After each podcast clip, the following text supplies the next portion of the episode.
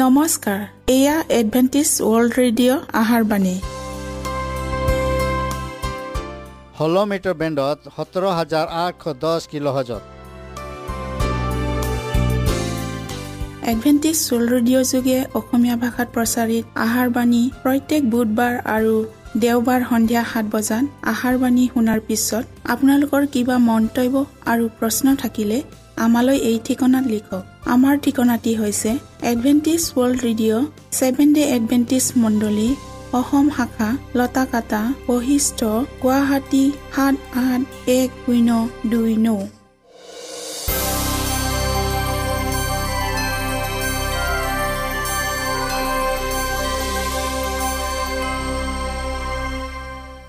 প্ৰিয় শ্ৰোতা বন্ধুসকল এতিয়া শুনো আহক এটি খ্ৰীষ্টীয় ধৰ্মীয় গীত।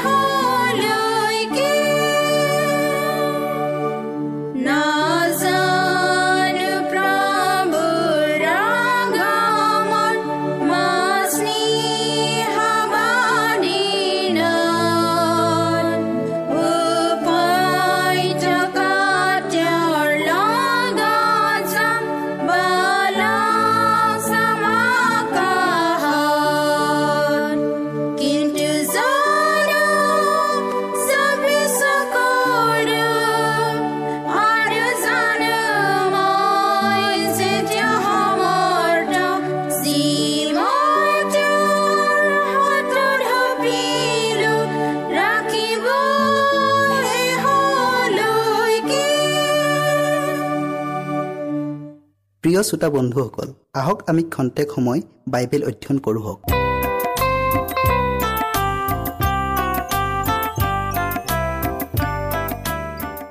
আজিৰ আমাৰ বিষয়টি হ'ল বিশ্ৰাম দিনৰ মহিমা আৰু প্ৰয়োজনীয়তা। বাইবেল পত্ৰি লোৱা হৈছে যিচয়া আঠাৱন্ন অধ্যায়ৰ চৈধ্য পদ। মই তোমাক ৰথত তুলি পৃথিৱীৰ ওখ ঠাইবোৰৰ ওপৰত পুৰাম। আৰু তোমাৰ পিতৃ জাকবৰ অধিপত্য তোমাক ভোগ কৰাম। কিয়নো জিহুৱাৰ নিজ মুখে ইয়াক ক'লে। আমি প্ৰাৰ্থনা কৰোঁ হওক। হে কৰোণাময় ঈশ্বৰ যে হোৱা ধন্যবাদ প্ৰভু তোমাৰ প্ৰেম আৰু আশীৰ্বাদৰ বাবে। প্ৰভু আমি আজি বিশ্ৰাম দিনৰ মহিমা আৰু তাৰ প্ৰয়োজনীয়তাৰ বিষয়ে অধ্যয়ন কৰিবলৈ আগবঢ়াইছোঁ। তুমি প্ৰত্যেক শ্ৰোতাৰ লগত থাকা। তেওঁলোকক জ্ঞান আৰু বুদ্ধি দিয়া। পবিত্ৰ আত্মাৰ যোগেদি তেওঁলোকৰ হৃদয় স্পৰ্শ কৰি দিয়া। যীশুৰ নামত খুজিলোঁ। আমেন। বিশ্ৰাম দিনত আমি এটা অতি মধুৰ আৰু গৌৰৱময় সময় পাইছিলোঁ। তেওঁ আমালৈ কৰা তেওঁৰ সীমাহীন মংগলময়তাৰ কাৰণে ঈশ্বৰক গৌৰৱ কৰিবলৈ আৰু তেওঁত আনন্দিত হ'বলৈকে আমাক সৃষ্টি কৰা হৈছিল। আমি যেনেদৰে বিশ্ৰাম দিনটোক গৌৰৱ কৰাত আৰু ইয়াৰ প্ৰয়োজনীয়তাক যিদৰে অনুভৱ আৰু উপলব্ধি কৰিব লাগিছিল আমি তেনেদৰে কৰা নাই। পৃথিৱীৰ ওখ ঠাইবোৰত উঠা আৰু জাকুবৰ আধিপত্য ভোগ কৰাৰ অৰ্থনো কি তাক আমি এতিয়াও জনা নাই। কিন্তু যেতিয়া প্ৰভুৰ পৰা সঞ্জীৱনী শক্তি আৰু শেহতীয়া বৰষুণ আহিব আৰু তেওঁৰ শক্তিৰ মহিমাক লাভ কৰিম তেতিয়া জাকবৰ আধিপত্য ভোগ কৰাৰ অৰ্থনো কি আৰু পৃথিৱীৰ ওখ ঠাইবোৰত উঠি ফুৰাৰনো কি অৰ্থ তাক জানিব পাৰিম। কিন্তু ইয়াৰ সম্পূৰ্ণ মহিমা আৰু প্ৰয়োজনীয়তাক আমি তেতিয়ালৈকে নেদেখিম যেতিয়ালৈকে ঈশ্বৰৰ মাতত আমাৰ সৈতে শান্তিৰ চুক্তি কৰা নহয়। আৰু নতুন জেৰুচালেমৰ মুকুতাৰ দুৱাৰখন দুখন দেউকাৰ নিচিনাকৈ তাৰ পাছফাললৈকে বহলকৈ মেল নাখাব আৰু যীশুৰ মাতক আমি কেতিয়াও নুশুনা সুমধুৰ আৰু মোহনীয় গীতৰ নিচিনাকৈ শুনিবলৈ নাপাম। সেই নগৰত সোমাবলৈ আমাৰ পূৰ্ণ অধিকাৰ আছে। কাৰণ আমি ঈশ্বৰৰ বিধান পালন কৰিলোঁ আৰু স্বৰ্গই আমাৰ ঘৰ। ঈশ্বৰে নিজ আঙুলিৰে দুখন শিলৰ ফলিত লিখা দ আজ্ঞাবোৰক দেখিছিলোঁ। এখন ফলিত চাৰিটা আৰু আনখনত ছয়টা আছিল। প্ৰথমখন ফলিত থকা চাৰিটা আজ্ঞা আন ছয়টা আজ্ঞাতকৈ অধিক উজ্জ্বল আছিল। কিন্তু সেই চাৰিটাৰ চতুৰ্থ আজ্ঞাটো সবাতোকৈ অধিক উজ্জ্বল আছিল। কাৰণ ঈশ্বৰৰ পবিত্ৰ নামটোক সেৱা ভক্তি জনাবলৈ বিশ্ৰাম দিনটোক পৃথকে ৰখা হৈছিল। পবিত্ৰ বিশ্ৰাম দিনটোক অতিকৈ গৌৰৱময় দেখা গৈছিল। ইয়াৰ চাৰিওফালে গৌৰৱৰ এক মংগল আগুৰি আছিল। বিশ্ৰাম দিনৰ আজ্ঞাটোক ক্ৰুচত অৰা হোৱা নাছিল। যদি ইয়াক অৰাহেঁতেন বাকীবোৰকো অৰা গ'লহেঁতেন। আৰু তেতিয়া চতুৰ্থ আজ্ঞাটোৰ দৰে বাকীবোৰকো উলংঘন কৰিবলৈ আমি স্বাধীনতা পালেহেঁতেন।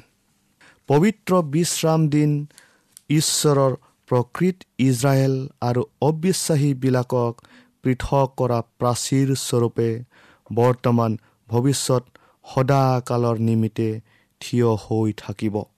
আৰু ঈশ্বৰৰ মৰমৰ বাট চাই থকা সাধুসকলৰ অন্তৰবোৰ একতা বান্ধোনত বান্ধ খোৱাৰ বাবে এই বিশ্ৰাম দিনটোৱে মুখ্য ভূমিকা পালন কৰিব। জিহিচকেল বিছ অধ্যায়ৰ বিছ পদটো আমি পঢ়োঁ হওক তোমালোকে মোৰ বিশ্ৰাম দিনবোৰ পবিত্ৰ কৰা। তাতে মই যে তোমালোকৰ ঈশ্বৰ যি হোৱা তাক তোমালোকে জানিবৰ নিমিত্তে মোৰ আৰু তোমালোকৰ মাজত এইবোৰেই এটি চিন হ'ব। ইজৰাইলসকল যে ঈশ্বৰৰ সম্পত্তি হয় তাক দেখুৱাবলৈ সিহঁতৰ ঘৰৰ দুৱাৰৰ ওপৰত এটা তেজৰ মোহৰ বা চিন ৰাখিছিল। সেইদৰে বৰ্তমান যুগৰ ঈশ্বৰৰ সন্তানসকলে ঈশ্বৰে অনুমোদন কৰা এটা মোহৰ বা চিন ল'ব লাগিব। তেওঁবিলাকে ঈশ্বৰৰ পবিত্ৰ বিধানৰ লগত নিজকে মিলনত আনিব। মহাসংসাৰৰ পৰা নিজকে ৰক্ষা কৰিবলৈ যিহুদীসকলৰ প্ৰতিটো ঘৰত দুৱাৰৰ চৌকাতত যেনেকৈ তেজৰ এটি চিন ৰাখিছিল তেনেকৈ ঈশ্বৰৰ লোকৰ প্ৰতিজনৰ ওপৰত এটা চিন থাকিব লাগিব। ঈশ্বৰে এইদৰে ঘোষণা কৰিছে মই যে তেওঁবিলাকক পবিত্ৰ কৰোতা যি হোৱা তাক তেওঁবিলাকে জানিবৰ নিমিত্তে মোৰ আৰু তেওঁবিলাকৰ মাজত এটি চিন হ'বলৈ মোৰ বিশ্ৰাম দিনবোৰ তেওঁবিলাকক দিলোঁ।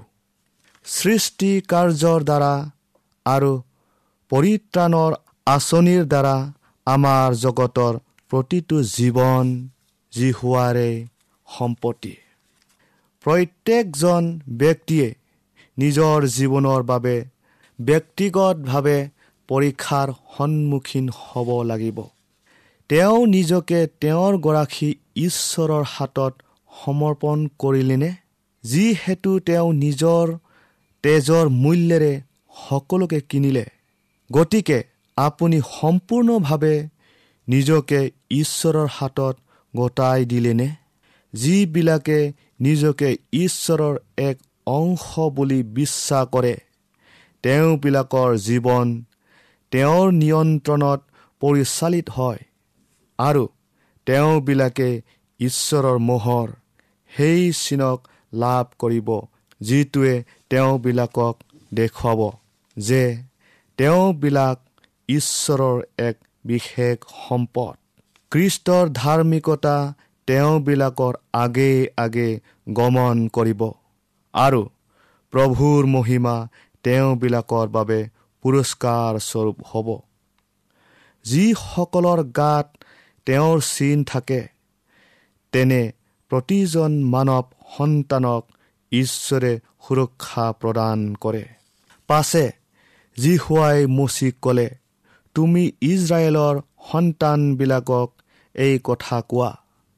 তোমালোকে অৱশ্যে মোৰ বিশ্ৰাম দিন পালন কৰিবা। কিয়নো ময়েই যে তোমালোকৰ পবিত্ৰকাৰী যি হোৱা ইয়াক যেন তোমালোকে জানিব পাৰা। এই নিমিত্তে তোমালোকৰ পুৰুষানুক্ৰমে মোৰ আৰু তোমালোকৰ মাজত এইয়ে এক চিন হ'ব। ছদিন কাম কৰা হ'ব কিন্তু সপ্তম দিন সম্পূৰ্ণ বিশ্ৰামৰ বিশ্ৰাম দিন। সেয়ে যি হোৱাৰ উদ্দেশ্য পবিত্ৰ। সেই বিশ্ৰাম দিনত যিকোনোৱে কাম কৰিব তাৰ অৱশ্যে প্ৰাণদণ্ড হ'ব। এই হেতুকে ইজৰাইলৰ সন্তানবিলাকে চিৰস্থায়ী নিয়ম বুলি পুৰুষানুক্ৰমে মান্য কৰিবৰ নিমিত্তে তোমালোকে বিশ্ৰাম দিন পালন কৰিবা। মোৰ আৰু ইজৰাইলৰ সন্তানবিলাকৰ মাজত এইয়ে চিৰস্থায়ী চিন হ'ব। কিয়নো যি হোৱাই ছদিনে আকা মণ্ডল আৰু পৃথিৱী নিৰ্মাণ কৰি সপ্তম দিনা বিশ্ৰাম কৰি তৃপ্ত হৈছিল। প্ৰিয় শ্ৰোতা বন্ধুসকল ঈশ্বৰৰ অনুমোদিত এই দিনটোৱে হৈছে মানৱ জাতিৰ প্ৰতিজন ব্যক্তিৰ বাবে আটাইতকৈ বহুমূলীয়।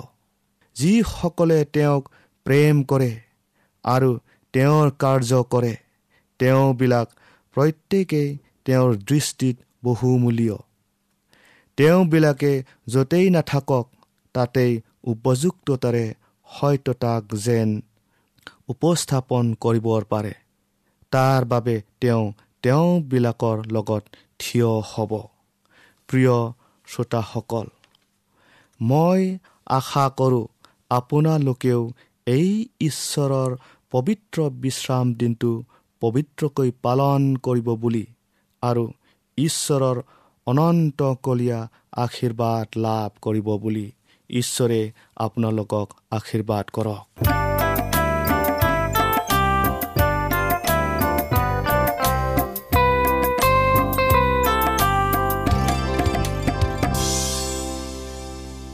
ইমানপৰে আমি বাইবেল অধ্যয়ন কৰিলোঁ এতিয়া আকৌ শুনো আহক এটি খ্ৰীষ্টীয় ধৰ্মীয় গীত।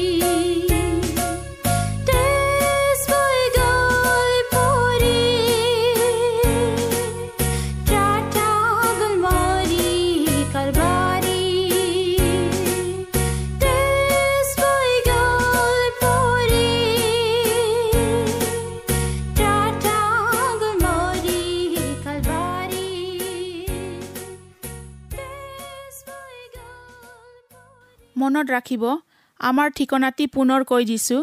Adventist world radio' Assam region of seven day Adventist voice of hope Latakata Basistha Guwahati seven eight one zero' two nine প্ৰিয় শ্ৰোতা বন্ধুসকল এডভেণ্টিজ ৱৰ্ল্ড ৰেডিঅ' যোগে আহাৰবাণী প্ৰচাৰত আপোনালোকক পুনৰ লগ পোৱাৰ আহাৰে আজিলৈ সামৰিলোঁ। ধন্যবাদ।